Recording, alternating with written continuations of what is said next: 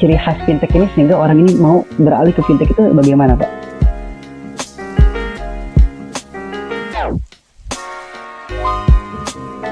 Bukan sekedar hanya anti riba,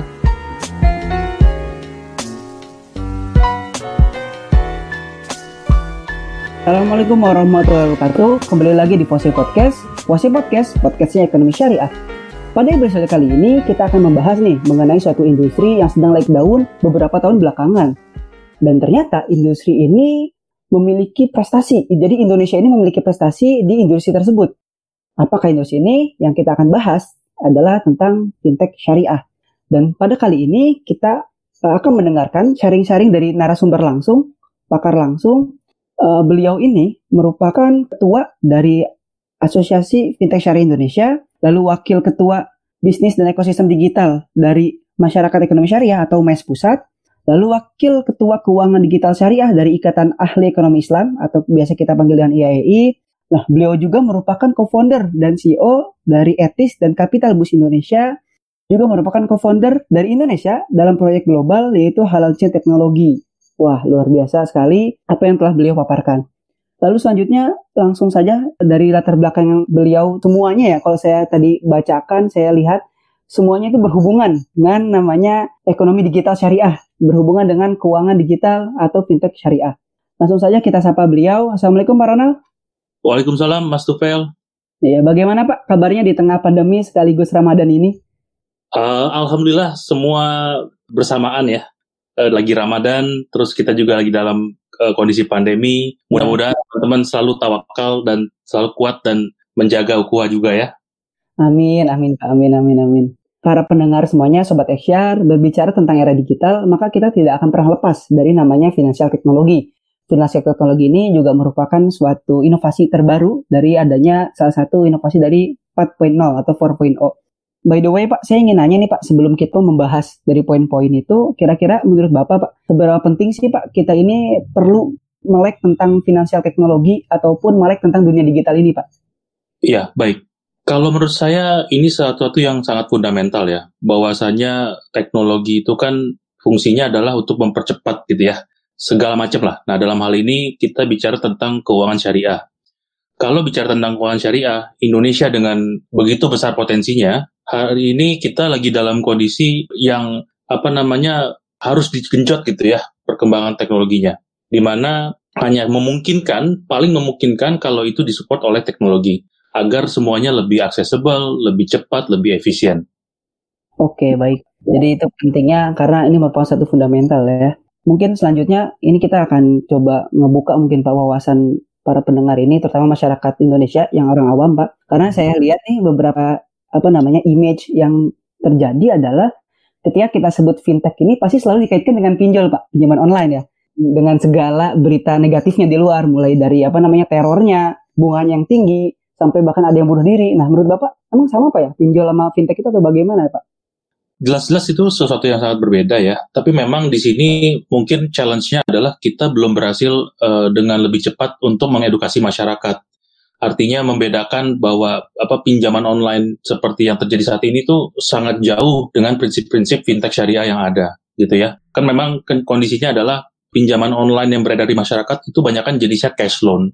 Memang untuk konsumtif dan tidak perlu tahu itu dipakai untuk apa, bisa jadi dipakai untuk sesuatu yang tidak bermanfaat dengan bunga yang sangat tinggi. Sedangkan hmm. kalau fintech syariah kan tidak boleh seperti itu. Semua ketika kita memberikan pembiayaan itu semua harus jelas gitu ya untuk apa, lalu nanti rencana bagi hasilnya seperti apa, lalu apa namanya pakai akad yang mana, itu harus menghindari goror gitu ya. Itu sih perbedaan utamanya ya antara yang konvensional dengan yang syariah.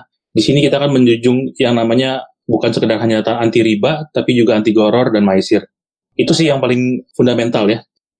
Oke Pak, jadi poinnya itu yang yang saya dapat dari perbedaan konven dan syariah. Kalau yang di fintech konven, terutama yang tadi yang pinjaman online itu dia cuma minjemin tanpa harus tahu digunakan untuk apa dan akadnya seperti apa Pak ya. Dia hanya pinjaman saja. Sedangkan Betul. di fintech ini kita menghindari riba, terus juga goror dan maisir. Betul. Sebenarnya sih Pak, jenis-jenis fintech ini ada apa aja sih Pak? Kayaknya apakah cuma pinjaman saja kah atau bagaimana Pak? Iya, baik. Kalau kita lihat namanya financial teknologi ya, kalau kata teknologi itu syarat dengan yang namanya inovasi. Fintech sendiri pun sudah berevolusi cukup pesat ya. Dalam hal ini mungkin kalau orang taunya dulu fintech itu hanya dua macam. Awalnya fintech payment, ya mungkin yang teman-teman sudah pakai seperti OVO, GoPay, Dana dan lain sebagainya. Namun ada lagi yang kedua yaitu jenisnya adalah untuk financing. Kalau di syariah financing, kalau di konvensional namanya lending, gitu ya. Ini adalah untuk pembiayaan yang sifatnya produktif lah. Atau juga kadang bisa juga untuk konsumtif, ya. Nah itu yang dimaksud dengan financing atau lending. Namun seiringnya waktu kita sudah punya beberapa jenis lain gitu ya. Mungkin yang paling umum dulu yaitu jenisnya agregator gitu ya. Agregator dalam hal ini mungkin paling sederhana saya saya analogikan adalah pembanding atau matchmaker gitu ya. Mempertemukan saja. Jadi ada yang punya kebutuhan pembiayaan, dia maunya syariah gitu ya. Nah, nanti akan disambungkan dengan lembaga keuangan baik bank non, maupun non-bank yang paling sesuai dengan karakter kebutuhan peminjaman tersebut atau pendanaan tersebut. Itu ya. Nah, di satu sisi lagi, misalkan kita teman-teman mau jadi investor gitu ya. Nah, tentunya teman-teman juga preferensi tertentu kan, mau invest di mana. Oh, saya maunya investnya yang di properti gitu ya. Atau saya mau investnya di bidang UKM. Nah, nanti akan disambungkan dengan produk-produk investasi yang ada di market yang paling sesuai dengan uh, value atau mungkin preferensi dari teman-teman. Nah, itu yang tadi ya, jenisnya yang kedua yaitu lending atau financing. Uh, maaf, itu yang ketiga malah, yang agregator. Ya. Nah, jenis yang keempat ini banyak memang berkaitan erat dengan pasar modal, gitu ya. Apa artinya? Pasar modal itu sangat relevan dengan investasi seperti itu ya. Nah, ini ada fintech-fintech yang memang tujuannya adalah untuk mempermudah transaksi di pasar modal, memberikan saran-saran gitu ya atau advice untuk teman-teman melakukan investasi. Nah, itu empat jenis yang paling awal gitu ya. Nah, ternyata sekarang berkembang banyak banget nih gitu ya saya mungkin akan kasih contoh beberapa aja gitu ya, yang lagi berkembang pesat. Uh, di antaranya adalah blockchain gitu ya. Blockchain juga bagian dari fintech ya, di mana keberadaan blockchain itu tujuannya memang untuk tadi ya kan kalau dari blockchain itu punya istilah lain gitu ya, namanya DLT atau Distributed Ledger Technology. Tujuannya apa? Ini adalah untuk mendesentralisasi data atau mungkin rekaman data supaya semua orang bisa memantau, semua orang bisa melihat semua orang bisa mereview gitu ya apakah transaksi tersebut sudah valid bahkan sampai sudah syariah atau belum gitu ya. Nah, cuma memang balik lagi edukasi di masyarakat masih sangat minim. Orang image-nya masih bicara blockchain itu selalu dengan cryptocurrency. Padahal cryptocurrency itu hanya sebagian kecil dari blockchain. Gitu ya. Berikutnya mungkin yang lagi berkembang juga ada yang namanya RegTech. Ah, apalagi itu RegTech. RegTech ini bahasanya adalah regulatory technology sebetulnya ini adalah teknologi yang dipakai oleh regulator untuk mengawasi fintech yang sudah jadi penyelenggara supaya semua kegiatannya itu bisa diawasin secara otomatis. Ketika penyelenggara melakukan pelanggaran, itu bisa langsung muncul notifikasinya di regulator. Dalam hal ini di BI atau di OJK. Sebetulnya hal ini sangat baik untuk bisnisnya si fintech itu sendiri. Kenapa? Karena kalau masyarakat tahu, oh ternyata fintech ini sudah pakai regtech gitu ya, sudah diawasin langsung oleh uh, regulator, otomatis terjadi kredibilitas yang baik di masyarakat sehingga orang lebih yakin lebih pede untuk berinvestasi atau memberikan pembiayaan melalui platform tersebut masih banyak lagi nanti mungkin saya akan elaborasi uh, di lain kesempatan gitu ya Oke oke baik Pak. Jadi kalau saya boleh simpulkan, jadi jenisnya ini awalnya ada empat Pak ya, yang bersifatnya tadi pembiayaan atau pinjaman, terus juga bisa pasar modal Betul. atau agregator. Ya, jadi dan satu lagi tadi mengenai tentang payment ada, blockchain. Ah, Pak ya, payment. Payment itu seperti kayak yeah. OVO atau yang syariah ini link aja syariah sama syariah pay Pak ya.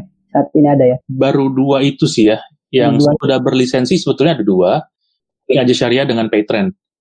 Oke. Okay. Ya, Syariah Pay lagi dikembangkan kalau tidak salah lagi diurus, namun saat ini sudah punya partner.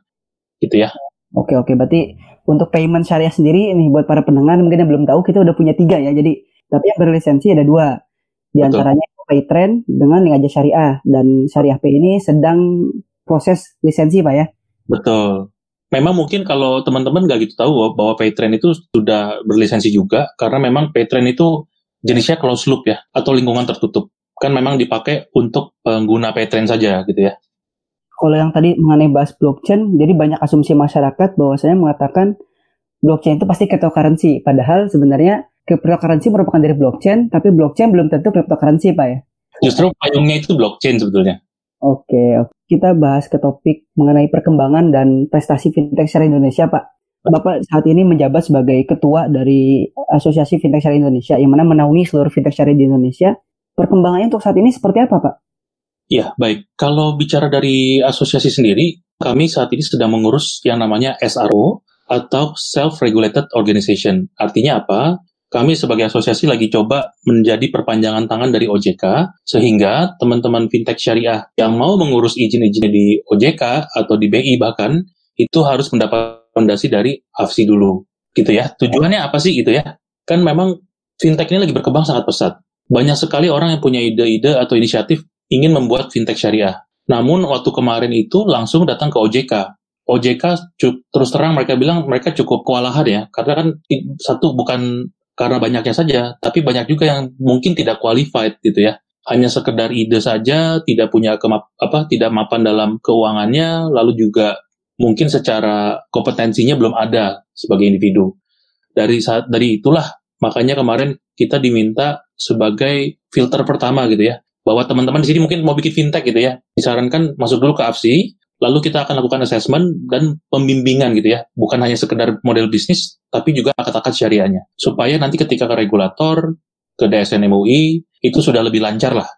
Ya, tidak banyak hambatan lagi di regulator. Karena kan sensitif kalau ini kan dilihat, oh dari awal ini nggak bisa langsung nanti di, di cancel. Padahal kalau di diinkubasi dulu gitu ya, misalkan memang masih ide, bisa jadi melalui asosiasi adalah cara yang paling efektif.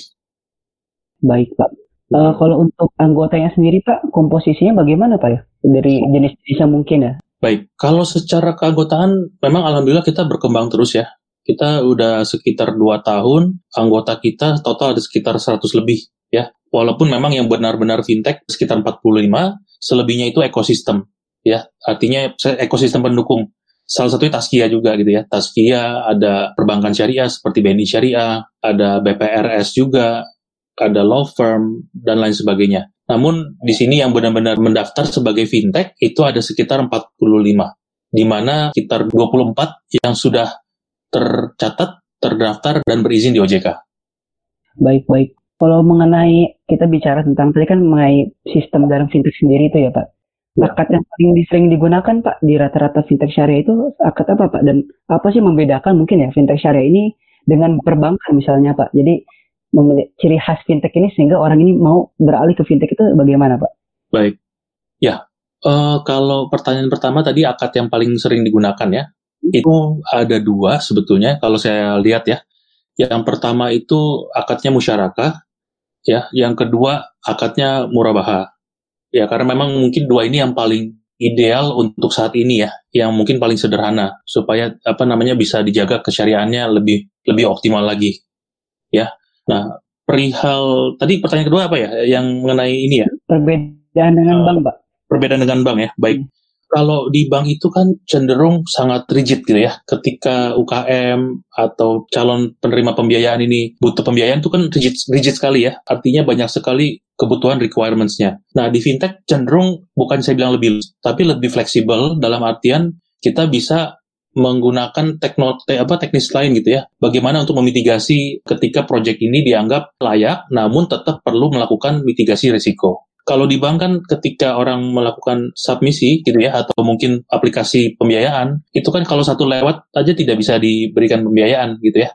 Nah kalau di fintech kita cenderung lebih lebih nimble gitu ya, lebih agile untuk melakukan penyesuaian-penyesuaian tertentu seperti itu. Tapi dalam hal ini tentunya perlindungan konsumen adalah nomor satu gitu ya. Bagaimana ketika ada sebuah proyek ini harus di, diukur gitu ya sampai di jauh sejauh mana resiko bisa termitigasi, namun tetap syariah. Oke, berarti kalau boleh saya tarik kesimpulan Pak, perbedaannya dengan bank itu fintech ini lebih fleksibel Pak ya, mempertimbangkan perlindungan konsumen. Betul. Nah mungkin saya bisa tambahkan ya. Jadi kalau di bedanya seperti ini, ini mungkin salah satu yang cukup mendasar. Kalau di bank itu ketika teman-teman punya project dibiayain oleh bank, yang tahu teman-teman projectnya bagus hanya bank. Cuma kalau di fintech, ketika teman-teman menggunakan fintech, karena biasanya sumber dananya dari masyarakat, jadi ketika teman-teman punya proyek dan proyeknya itu bagus, berhasil dengan baik, yang tahu ini masyarakat. Artinya apa? Teman-teman punya bisa jadi punya akses ke keuangan yang lebih unlimited daripada bank, gitu ya. Kalau bank kan tetap harus menggunakan kolateral. Misalnya mau pembiayaan satu miliar, oh ya harus punya kolateral minimal 1,3 miliar gitu ya. Kalau di fintech kolateral ini mungkin jadi nomor dua gitu ya. Kalau dilihat, oh teman-teman ini misalkan Mas Tufel udah punya project keempat, kelima gitu ya. Besok-besok tiba-tiba Mas Tufel bilang, saya nggak bisa ngasih uh, kolateral saya karena lagi dipakai atau lain, dan lain sebagainya gitu ya. Ini masyarakat bisa tetap memberikan pembiayaan. Karena tadi asas penilaiannya adalah dari performance gitu ya. Bahwa Mas Tufel, oh ini sudah berkali-kali berhasil, bisa jadi besok-besok Mas Tufel punya project, udah nggak perlu modal sendiri lagi. Tapi masyarakat berbondong-bondong untuk memberikan pembiayaan. Seperti itu. Itu yang mungkin paling beda ya. Oke, berarti dua poin Pak ya. Tadi salah satunya adalah fleksibel, kedua adalah transparansinya Pak ya. Betul, dan aksesnya langsung kepada sumber dananya. Kalau bank kan oh. perantara. Saya bukan bermaksud menjelekkan bank, tapi itu hanya membedakan ya beberapa prinsip. Balik lagi masyarakat sendiri yang menentukan gitu kan. Memang melalui fintech artinya cenderung potensi resiko kan lebih besar. Namun sebagai pengguna, sebagai investor harus jeli juga ketika ada proyek, ini harus baca dulu. Oh ya ini proyeknya seperti ini. Oh ada potensi risikonya yang dijabarkan seperti ini. Lalu mitigasi seperti apa? Kalau memang nyaman, silakan. Kalau tidak, mendingan jangan. Seperti itu. Saya pernah mendengar Pak, bahkan beberapa mungkin ya, saya juga Alhamdulillah Pak sudah jadi investor fintech beberapa beberapa kali nyoba di beberapa aplikasi yang saya temukan nih berbedanya dengan bank lagi di fintech ini beberapa fintech berani Pak ya buat menerapkan bagi rugi Pak ya. Iya, kan kalau balik lagi ya, kalau istilah bagi rugi itu kan ada di syariah juga ya, bukan berbagi rugi, lebih tepatnya berbagi resiko gitu ya. Iya, namun dalam hal ini harus resiko yang terukur. Sama seperti kalau saya selalu memberikan analogi ya, ketika investasi di fintech, apalagi yang syariah ya, terutama yang syariah malah. Ini sama seperti kita belanja di Tokopedia gitu ya. Kalau bedanya Tokopedia atau Bukalapak itu kan jualan barang yang sudah jadi gitu ya. Oh saya mau beli handphone atau mungkin saya mau beli laptop atau apa gitu ya. Nah bedanya yaitu tadi kalau di Tokopedia sama Bukalapak kan kita langsung baca speknya. Oh speknya A, B, C, D, E gitu ya. Oh saya tertarik, saya mau beli gitu ya. Barangnya bisa dikirim. Nah kalau di fintech ini tadi yang dijual adalah produk investasi. Artinya ada proyek, oh ini kayak bagus, saya mau saya mau invest gitu kan. Nanti setelah dilaksanakan, di delivery dengan imbal hasilnya. Nah, mirip seperti itu analoginya. Kita diberi kesempatan untuk tum produk yang mau atau proyek yang mau kita bantu atau kita biayai. Oke, baik. Jadi itu salah satu keunggulan dan keunikan juga Pak ya dari fintech syariah tersebut. Ngomongin tentang fintech Pak, uh, kira apa sih Pak? Uh, saya pernah dengar juga, pernah baca sih satu riset dari hasil rilis dari global tentang fintech global report digital report bahwasanya Indonesia ini memiliki prestasi dengan fintech syariah terbanyak di dunia pak apakah benar atau bagaimana pak? Iya betul kalau kita lihat dari jumlahnya ya apalagi fintech yang fully declared gitu ya Indonesia eh, bahkan Malaysia pun mengakui bahwa Indonesia memiliki fintech syariah terbanyak di dunia gitu ya bukan dari Timur Tengah bahkan bukan dari Malaysia. Walaupun kadang-kadang kan kalau Malaysia kan bilang oh, semua yang ada di sini ya mostly adalah syariah, tapi ternyata mereka tidak declare atau mereka seperti halnya apa namanya punya syariah window gitu ya. Kalau bicara syariah window jelas Malaysia tidak bisa disaingi karena semua bank di sana mungkin bisa dibilang 90% pasti punya syariah window seperti itu.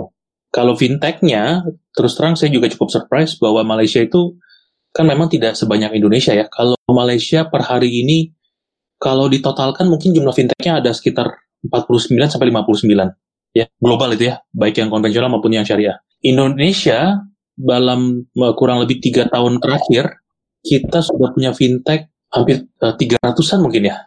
Wow, tiga ratusan. Iya, dari tahun 2017 ya kalau saya hitung ya. Kalau Malaysia dari dua tahun 2014 sudah punya fintech, tapi hanya baru ada 49.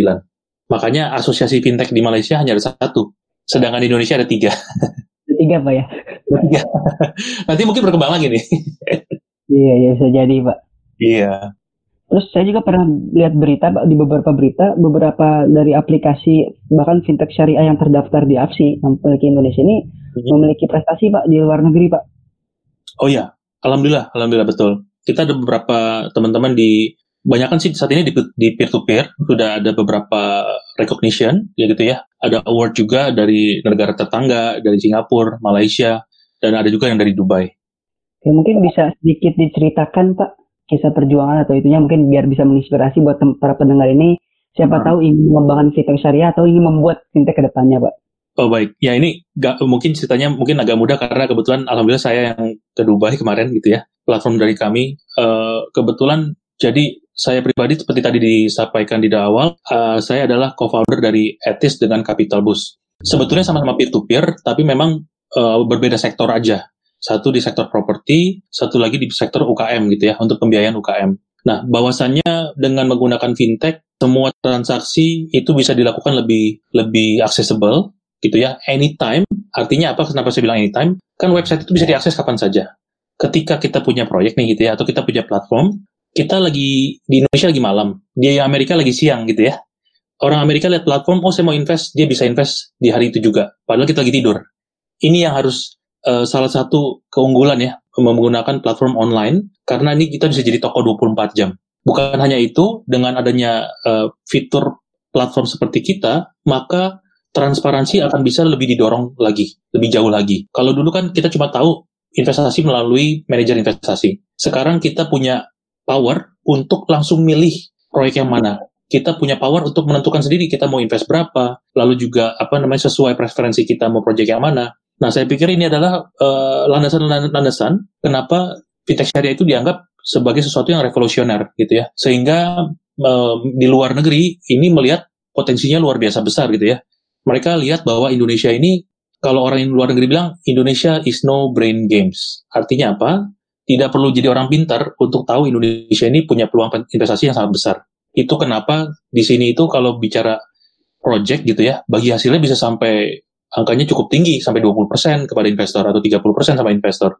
Di luar negeri, waduh kalau bicara proyek pembiayaan mungkin 5% sudah tinggi sekali di sana, apalagi di Singapura. Ya kan?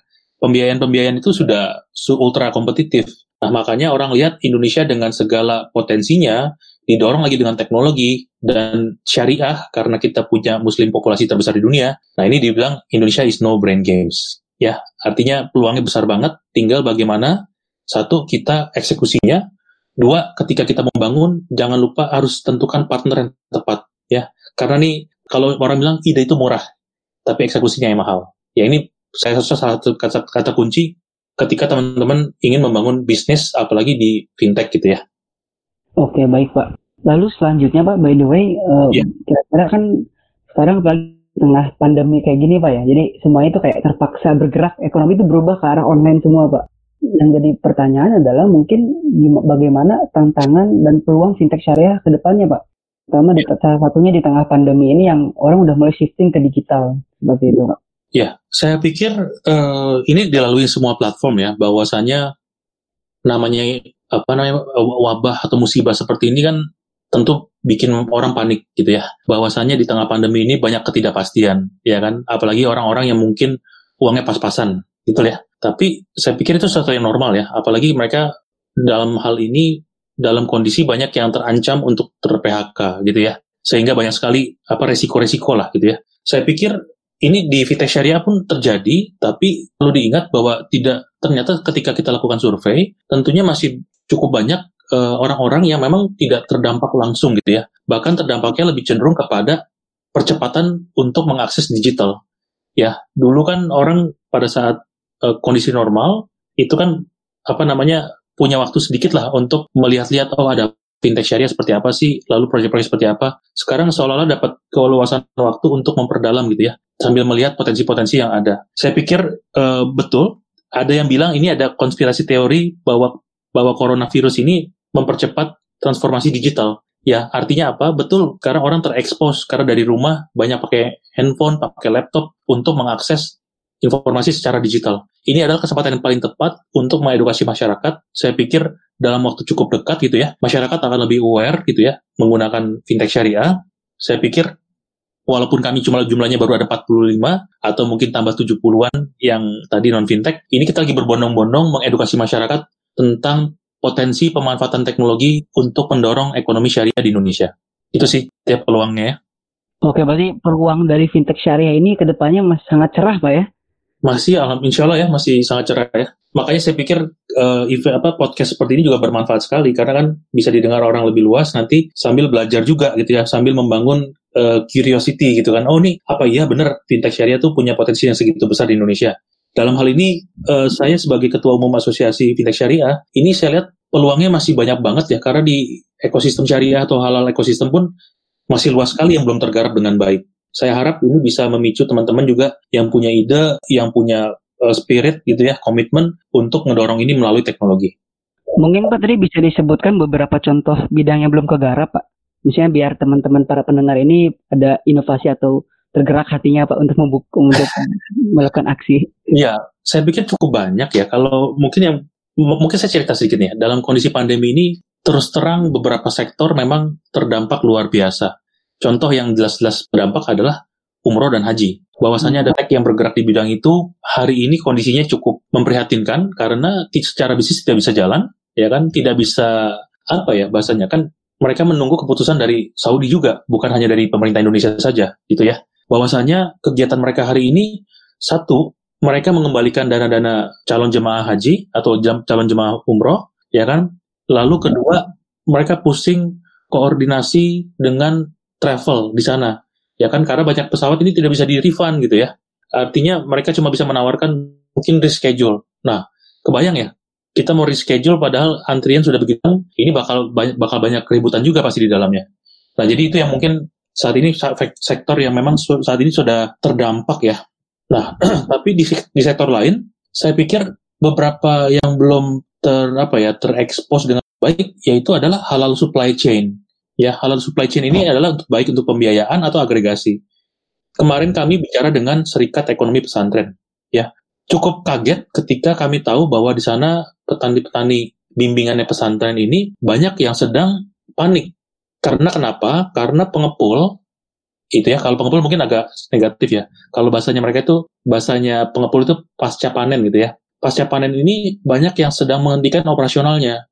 Kenapa? Karena mereka biasanya beli dari petani dalam jumlah besar, lalu disuplai kepada horeca atau hotel, restoran, dan catering. Ya, ini adalah bisnis yang sangat besar ya kalau bicara supply chain atau agriculture. Ternyata hotel hari ini mungkin teman-teman tahu lagi menghadapi challenge nggak ada nggak ada pengunjung gitu ya. Restoran juga sama dibatasi ya kan. Catering apa lagi tidak ada event-event besar.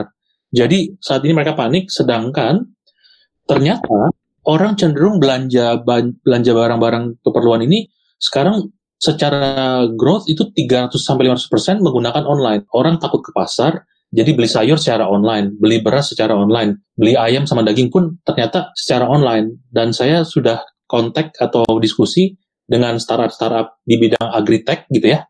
Ternyata memang secara bisnis mereka sedang lagi kewalahan nih. Mungkin teman-teman pernah dengar sayur box ya? Iya, sampai tutup kemarin 10 hari. Gara-gara ke, terlalu kebanjiran, mereka tidak sanggup gitu ya. Nah, ada lagi Itani. Itani juga sama. Ternyata dalam sejarah bisnis, ini growth-nya sampai lima kali lipat angkat telepon aja kadang susah gitu ya. Nah artinya ini ada peluang gitu ya namanya di sebuah kondisi yang tidak tidak baik seperti ini biasanya selalu ada ada peluang gitu ya. Nah ini gimana caranya kita cukup jeli melihat peluang-peluang tersebut. Nah secara sektor lain apalagi ya itu yang paling dua yang mungkin yang paling paling clear. Baik, berarti sektor haji dan umroh karena wabah ini dan sektor uh, supply chain ya masih kurang. Pendengar uh, sobat XR bisa coba direnungkan atau bisa coba melakukan riset untuk melakukan dorongan terhadap fintech syariah ini. Betul. By the way, uh, mungkin saya tambahkan ya sedikit ya. Ya, boleh Pak. Ya, dalam kondisi seperti ini sebetulnya yang paling ideal kita lakukan adalah berkolaborasi, gitu ya. Artinya apa? Mungkin kemarin itu kan berjalan sendiri-sendiri atau silo gitu ya bahasa bahasa kerennya ya. Nah, dengan kondisi seperti ini, memang ada beberapa sektor yang sangat tidak memungkinkan untuk dapat bergerak dengan baik. Saran saya adalah coba gali potensi kolaborasi dengan fintech syariah lainnya sedalam-dalamnya gitu ya. Bagaimana kita bisa saling mendukung kan di mananya kalau ada sesuatu yang lagi terdampak negatif, biasanya akan ada yang terdampak positif, betul ya? Bahasa kerennya kalau ada yang kena stormnya, bahasa dampak negatifnya, tapi tentunya ada yang juga yang dapat windfall-nya atau dapat dampak positifnya. Nah inilah adalah peluang-peluang yang memang kita harus jeli, harus bangun silaturahim gitu ya, supaya bisa lihat peluang-peluang tersebut. Toh yang dapat peluang baik ini mungkin dalam kondisi kesulitan ekonomi juga, misalkan, aduh ini saya kekurangan nih uh, lendernya gitu kan, atau sebagai lagi kekurangan investornya. Siapa tahu nih yang biasanya sektornya lagi banyak investor tapi tidak menarik sektornya bisa beralih sini ber, berbagi di situ ya. Ini yang mungkin saya coba encourage buat bisa dilakukan dalam masa krisis seperti ini. Oke baik. Terus bicara tentang krisis Pak, uh, mungkin tantangan fintech syariah sendiri kan karena krisis ini beberapa pembiayaan Pak ya, seperti P2P dan lain-lainnya ada potensi kredit macet Pak. Bagaimana mitigasi dari fintech syariah tersebut Pak? Uh, ini ber, berkaitan juga dengan kebijakan dari pemerintah ya terkait relaksasi dan lain sebagainya. Terus terang memang kalau setelah kami survei kemarin, ada sekitar 20% itu ter, uh, permintaan relaksasi itu lagi, maaf, 20% itu yang di UKM ya. Ini sedang uh, diminta oleh para pengguna gitu ya. Dalam hal ini mungkin penerima pembiayaan. Artinya itu sesuatu yang wajar gitu ya.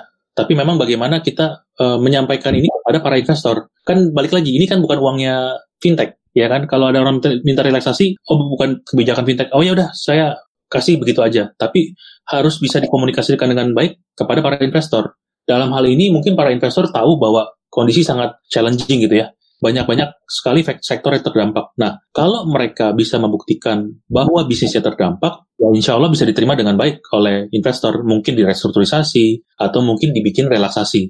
Ya, jadwal bayarnya yang mungkin tadinya harus uh, dalam bulan April, Mei, Juni mungkin di, direlaksasi, oke okay, itu bisa mulai per Juli gitu misalnya, gitu ya. Nah ini adalah kuncinya, yaitu membangun komunikasi juga kepada antara ya investor dengan penerima pembiayaan atau dalam hal ini nasabah lah kalau kita bilang ya. Oke baik pak. Jadi kata kuncinya tadi membangun komunikasi ya antara para investor dengan para pem, penerima pembiayaan. Betul. Dan banyak peluang dan tantangan yang Bapak sampaikan tadi, Pak mungkin para sobat XR di sini, para pendengar podcast Pose Podcast, ada yang ingin berkarir di dunia fintech syariah, ada yang ingin mungkin bisa bekerja atau ingin uh, bisa membangun fintech. Kira-kira skill-skill apa saja sih Pak yang harus dipersiapkan jika kita ingin terjun berkarir di dunia fintech syariah? Baik, oke. Okay. Kalau sekarang peraturan di OJK makin ketat ya. Artinya apa? Ketika memang teman-teman, misalnya teman-teman punya background memang di finance gitu ya, atau di keuangan, saya pikir itu udah salah satu modal utama. Tapi kalau memang teman-teman tidak punya modal tersebut, berarti cari partner yang punya apa namanya punya experience atau background di sektor tersebut. Karena ini akan sangat membantu gitu ya. Karena memang terus terang seperti saya pribadi saya tidak punya background di keuangan gitu ya. Artinya banyak sekali hal-hal baru yang di keuangan itu yang mungkin terminologi yang asing awalnya buat saya. Namun sejalannya waktu karena eh, alhamdulillah bisnis berkembang, lalu juga dapat partner yang memang punya experience di keuangan, ini membentuk lah gitu ya knowledge dan juga kompetensi di bidang ini. Nah, yang tidak kalah penting ada beberapa nih ya, apalagi bicara startup. Yang paling penting sebetulnya masalah timing ya atau waktu. Kalau kita lihat ya saat ini adalah waktu yang paling tepat untuk membangun yang namanya startup yang memang e, berbasis syariah atau mungkin islamik. Ya, karena kenapa? Saat ini giroh masyarakat sudah sedang sangat tinggi gitu ya melihat tentang apa namanya eh, kesyariahan gitu ya apalagi lagi krisis banyak sekali orang yang udah mikirin akhirat nih gitu ya saya pikir apa namanya ini saat yang tepat momen yang tepat untuk inisiatif itu bisa segera dieksekusi. Yang nomor dua paling penting adalah tadi ya tim membernya siapa. Ketika mau bangun sebuah inisiatif atau startup atau fintech pastikan cari partner yang memang punya komitmen yang, yang bisa nyimbangin atau saling mengisi gitu ya. Contoh kalau misalkan saya ini orang yang marketing banget gitu ya, kerjanya ngegas saja terus. Ketika ada proyek, oh saya tahu nih ini saya jualnya gimana, angle-angle bahasanya seperti apa. Cari teman yang bisa ngerem, gitu ya, yang tahu mitik, yang tahu resiko, bisa ngasih tahu, ini kalau gini nanti bisa begini loh, A, B, C, D gitu ya. Nah ini akan akan ideal sebagai sebuah uh, startup atau ini sebagai sebuah kendaraan. Kan kalau kendaraan itu harus ada rem, ada gasnya, gitu ya. Nah ini salah satu kuncinya dan cari yang memang komitmen dan tidak lupa kalau bisa yang memang full dedicated. Banyak sekali teman-teman yang saya lihat bangun bangun startup atau bangun fintech tapi setengah hati. Artinya sambil kerja sambil ngebangun ini. Percaya sama saya tidak akan pernah berhasil. Tidak akan pernah berhasil. Jadi kunci satu harus full dedicated. Kalau mau terjun terjun beneran. Resiko pasti ada, tapi ya di situlah memang entrepreneurship itu memang di situ kuncinya kalau nggak ambil risiko nggak akan pernah dapat hasil yang maksimal. Ya. Yang ketiga baru ide. Jadi tahu ketika teman-teman mau bikin fintech, sektor apa nih yang punya peluang, yang punya market share atau volume yang potensi gitu ya, menarik investor. Karena ternyata investment ini adalah faktor terpenting nomor lima gitu ya. Nah, jadi itu harus diperhatikan tuh, satu, dua, tiga. Nah, nomor empat saya lupa nih. Eh, empat itu, oh, model bisnis. Artinya ketika sektor teman-teman udah clear, oh saya mau bermain di sektor pembiayaan perumahan atau mungkin properti, atau mungkin saya mau di UKM. Teman-teman harus tahu jelas bahwa sumber pendapatan dari mana, atau revenue modelnya. Ya, Ini adalah kuncinya. Baru yang terakhir funding. Funding itu bisa datang ketika empat komponen ini sudah matang. Pasti datang, pasti funding datang ketika empat komponen ini sudah sudah sudah matang ya, sudah clear, sudah tertata dengan baik.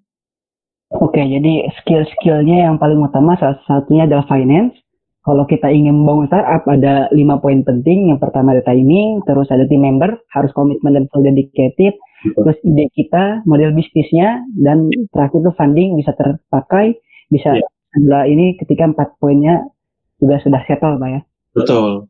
Orang pasti suka kalau lihat, oh ini timnya solid, ya kan, oh punya background yang bagus, timingnya juga tepat. Ini orang lagi ngomongin semua lagi ngomongin fintech syariah. Oh lagi tor ke UKM gitu kan ya. Otomatis funding akan datang. Uang yang nyari nanti. Oke, uang yang nyari. Terima kasih uh, Pak Ronald atas sharingnya. Mungkin adakah pesan terakhir buat para pendengar nih, para pendengar Posi Podcast dan para sobat XR di sini? Baik, ya, saya pikir Indonesia ini masih untuk fintech syariah sendiri ya, ini masih blue ocean ya.